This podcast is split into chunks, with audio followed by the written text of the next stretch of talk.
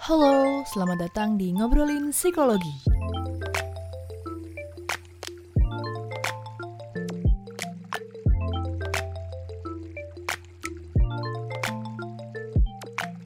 Halo teman-teman, berjumpa lagi di Ngobrolin Psikologi. Nah, pertemuan kali ini kita akan ngobrol tentang mindfulness nih. Dan aku, Vika, di sini bersama dengan Mbak Sasa, Anissa Puji Pratiwi, seorang psikolog di UKP UGM, salah satu unit konsultasi psikologi di Fakultas Psikologi UGM. Dan juga beliau buka di biro sendiri di Karisma Consulting dan juga menjadi associate di Pijar Psikologi. Beliau ini sudah berpraktik selama empat setengah tahun dan ini banyak menyelenggarakan kelas-kelas tentang mindfulness ya mbak ya. Jadi langsung saja ini orangnya Mbak Sasa. nah Mbak kali ini kita kan mau ngobrolin tentang mindfulness. Aku lihat dari Instagramnya Mbak Sasa itu kayak banyak Mbak Sasa berkecimpung di mindfulness. Mm-mm. Aku juga pernah ikut kelasnya Mm-mm. Mbak Sasa sama di Pijar Mm-mm, psikologi iya, tentang Vika. mindfulness. Mhm. Nah, sebenarnya sih aku ingin memulai dengan sedikit twist. Mm-mm. Jadi, Mbak Sasa bisa jelasin nggak sebenarnya Mhm. yang bukan mindfulness itu seperti apa? Mm-mm. Jadi biasanya kalau orang dengar kata mindfulness, biasanya masih apa itu mindfulness? Tapi kalau kita kasih meditasi mindfulness, kasih tambahan meditasi, oh kok meditasi? Nah sering kali meditasi itu sudah punya nuansa yang negatif kayaknya ya di banyak orang. Jadi biasanya bayangan mereka ketika mendengar meditasi mindfulness adalah kalau yang persepsinya masih negatif ya, mereka akan berpikir, oh berarti ada klinik-kliniknya tuh, ada mistis-mistisnya gitu. Atau itu terkait dengan ritual agama tertentu. Hmm, itu tidak universal. Kalau yang mereka sudah paham konsep meditasi yang lebih positif, mereka biasanya oh untuk relaksasi, biar lebih tenang, untuk ngosongin pikiran, itu biar fokus. Nah, sering kali ada beberapa konsep yang tidak tepat untuk mendeskripsikan meditasi mindfulness itu sendiri. Jadi, sebenarnya meditasi mindfulness itu tujuannya bukan untuk tenang, bukan untuk fokus, bukan untuk mengosongkan pikiran, tapi tujuannya adalah agar membantu diri kita lebih sadar dengan apa yang terjadi pada diri kita saat ini. Biasanya mereka yang belum paham begitu latihan meditasi mindfulness terus datang pikiran, nah mereka rasa wah nggak bisa fokus, nggak bisa tenang karena pikirannya ke mana-mana. Padahal justru ketika mereka aware, mereka sadar pikirannya lagi jalan-jalan, itu sudah sadar, itu mindfulness itu atau ketika lagi latihan merasa perasaannya muncul terus mulai larut gitu ya kemudian jadinya ke mana-mana nggak fokus. Itu padahal ketika muncul perasaan dan mereka sadar itu rasanya apa itu sudah mindfulness itu sadar. Yang mungkin memang mem- membuat mereka jadi nggak tenang. Ya nggak apa-apa karena kan tugasnya hanya menyadari aja. Kalau dapat tenang, dapat rileks, dapat enak di badan, enak di hati, enak di pikiran itu bonus itu jadi kalau dapat enak-enaknya itu bonusnya mindfulness. Tapi bukan itu yang dituju dari mindfulness itu kemudian ada juga yang ngerasa kalau meditasi berarti harus di tempat yang sepi menyendiri duduk bersila lama gitu ya. Biasanya bayangannya kan gitu ya. Menyepi gitu. Padahal meditasi mindfulness itu dia bisa dilakukan tidak harus dengan menyepi. Bahkan ketika kita bersama orang lain, ketika kita sedang beraktivitas, kita bisa tetap melakukan meditasi mindfulness. Jadi kita lebih pada menyadari saat itu kita sedang bersama siapa, apa yang kita lakukan, aktivitas apa itu, lebih ke situ sebenarnya. Dan ada juga yang ngerasa bahwa latihannya harus duduk bersila gitu ya, lesehan. Padahal mindfulness bisa dilakukan sambil jalan, sambil makan, sambil tiduran, sambil ngobrol. Kita juga bisa melakukan itu. Ada juga yang ngerasa, wah nggak punya waktu lama, biasanya 30 menit, biasa satu jam. Padahal satu menit aja bisa. Nah itu itu yang sering kali apa ya pemahaman-pemahaman yang tidak tepat akan meditasi mindfulness. Bahkan ada juga yang merasa kayak ini hipnotis ya. Nah, padahal enggak. Mindfulness itu ngajarin kita untuk aware, untuk sadar. Jadi kita punya kesadaran penuh dengan apa yang kita pikirkan, apa yang kita rasakan, apa yang kita alami. Bukan hipnotis gitu. Gitu Oke, berarti menarik sih karena aku sering dengarnya kalau misalnya meditasi itu ya kita harus fokus, Mhm. harus fokus ke pernafasan kayak gitu. Mhm. Padahal sebenarnya itu bukan tujuan dari mindfulness itu sendiri. Mm-mm. bukan tujuan dari mindfulness tujuannya adalah sadar Sadar, menyadari Menyadari emosi, pikiran, pikiran. dan apa yang kita alami saat Mhm, ini. mhm, benar Oke, nah berarti itu sebenarnya udah menjawab sih yang pertanyaan kedua yang sebenarnya mindfulness itu sebenarnya apa? Mhm. Berarti tadi yang menyadari itu ya Mhm. emosi, pikiran dan apa yang kita sekarang lakukan gitu. Mhm. Tapi sebenarnya mindfulness ini asalnya tuh dari mana sih Mbak? Kok kayak aku rasanya tiba-tiba kayak booming gitu Mhm, sekarang. mhm. Kayak orang lebih aware gitu Mhm. dengan mindfulness. Iya, jadi kok dari sejarahnya mindfulness itu sendiri, dia sebenarnya merupakan salah satu ritual dari agama Buddha yang kuno gitu ya, ritual kuno dari agama Buddha. Namun pada prakteknya itu juga ada loh di agama-agama atau kepercayaan keyakinan yang lain dan sebenarnya meditasi mindfulness ini sifatnya universal. Hanya istilahnya aja yang beda. Itu Oh.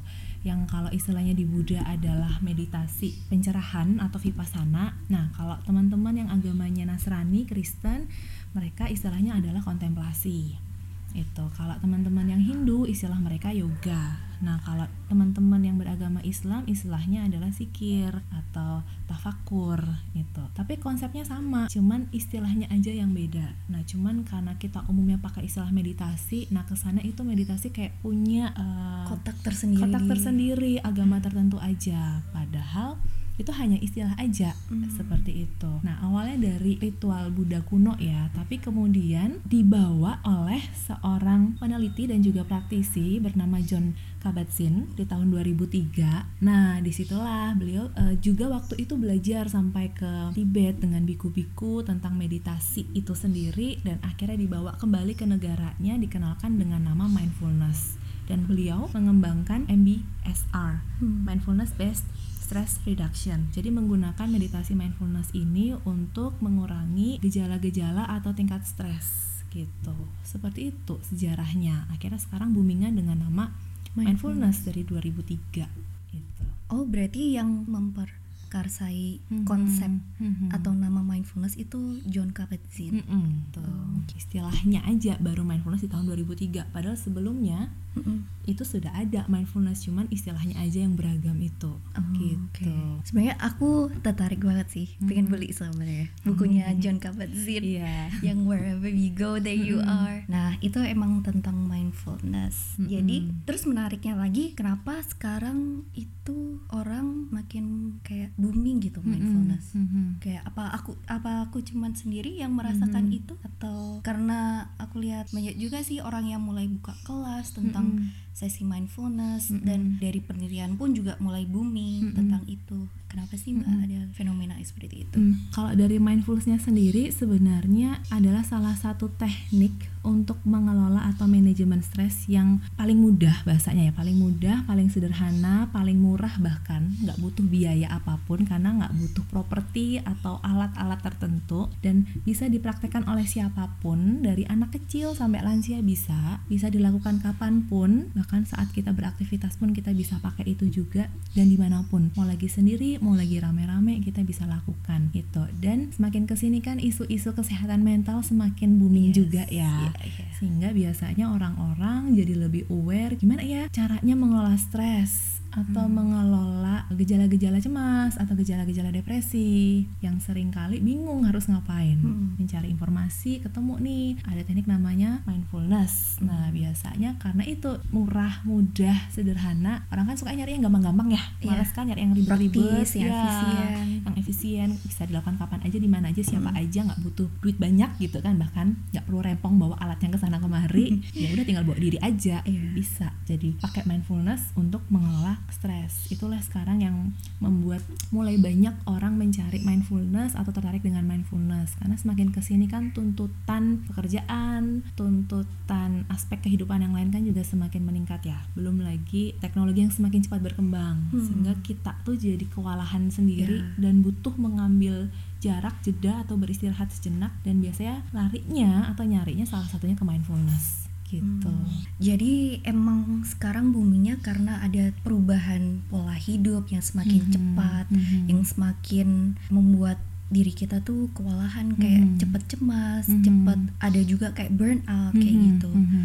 Terus orang nih mungkin tahu nih mindfulness gitu, Mhm. tapi mungkin belum ada yang bisa sampai kayak butuh gitu. Mhm. Jadi sebenarnya kenapa sih orang itu kalau misalnya mengintegrasikan mindfulness ke Mhm. kehidupannya sehari-hari itu bisa membawa manfaat apa sih mbak? Mhm. Ya, jadi mindfulness itu dari berbagai penelitian itu punya berbagai manfaat.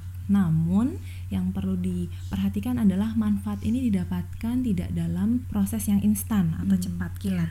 Dia butuh waktu dan untuk mendapatkan itu pelaku mindfulnessnya dia harus tekun, berlatih, harus disiplin, harus rutin, baru dia bisa mendapat manfaat dari mindfulness itu sendiri. Nah, kalau dirangkum oleh dua peneliti namanya Davis sama Hayes.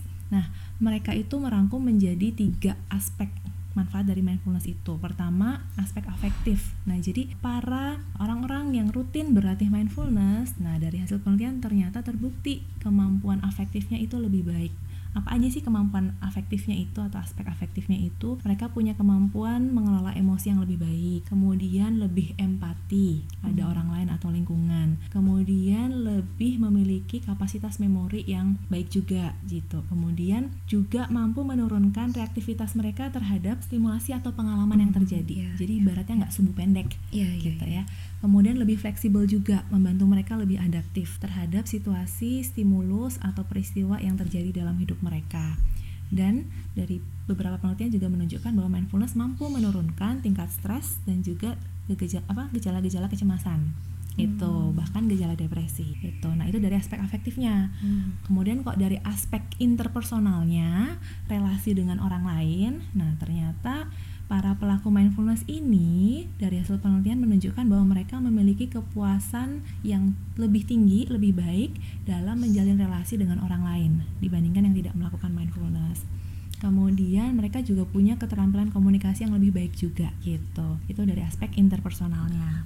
Nah, kemudian kalau dari aspek intrapersonalnya, aspek di mana berkaitan berhubungan dengan diri sendiri itu ya relasi dengan diri sendiri karena intrapersonal.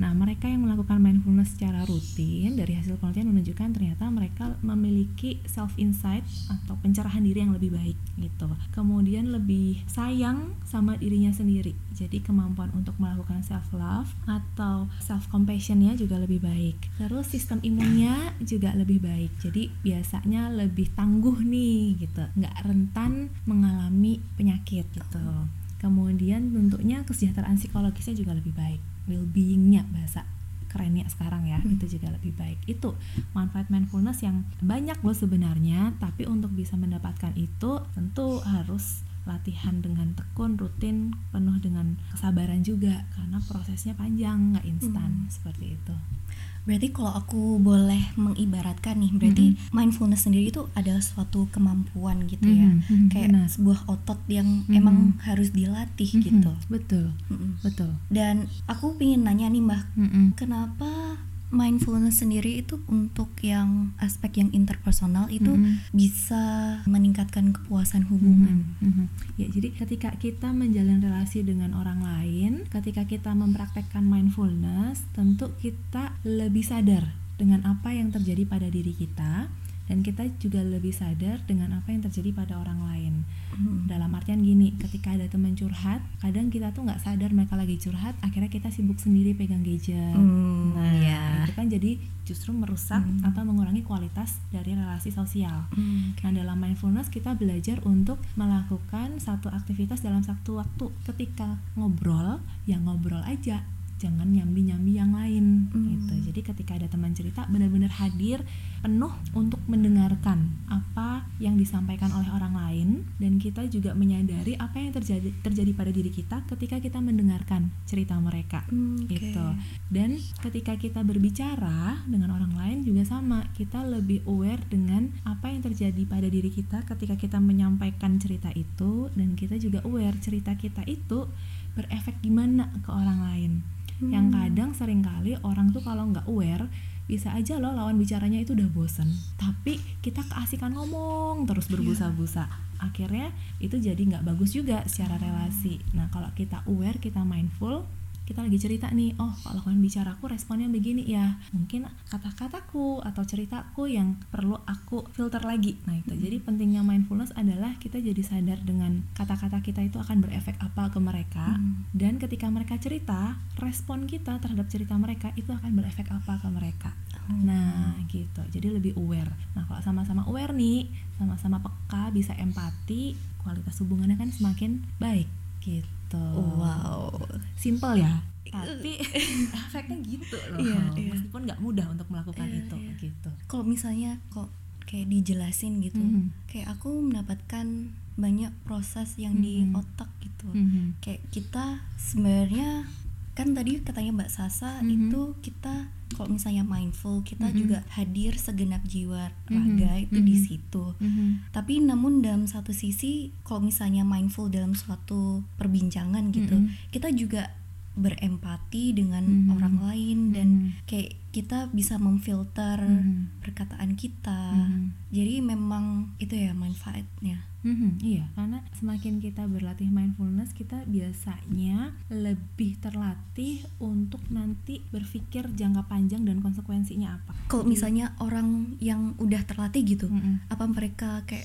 kepikiran gitu atau Mhm. emang secara otomatis Uh, kayak tadi otot bahasanya. Hmm. Nah, kalau otot itu sudah sering dilatih, dia nanti akan pelan-pelan tanpa sadar menjadi otomatis juga. Hmm, oke. gitu biasanya kalau awal-awal latihan mindfulness itu rasanya berat banget susah banget nggak mudah ya wajar karena nggak Hmm. pernah dilatih ototnya Hmm, oke. sehingga ketika melakukan hal baru itu prosesnya lama banget atau berat banget tapi ketika sering dilatih dilatih dilatih nah akhirnya kan mulai terbiasa sehingga itu nanti tanpa sadar kayak otomatis aja gitu Oh, oke. seperti itu tapi untuk sampai ke otomatis itu kan harus Ada diulang prosesnya, diulang iya. benar dilatih terus Konsistensinya.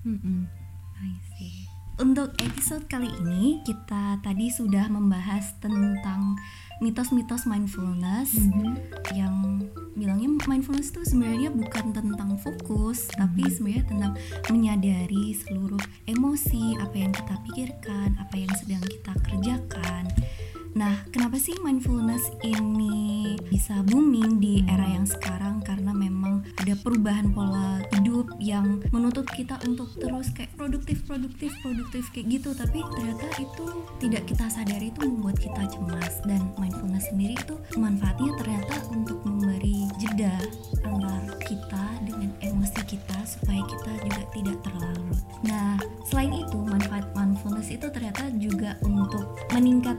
Hubungan kita dengan orang lain, kita bisa berempati dengan orang lain dan tentunya secara psikologis kita mendapatkan ketenangan diri. Tapi itu bonus ya, Mbak ya.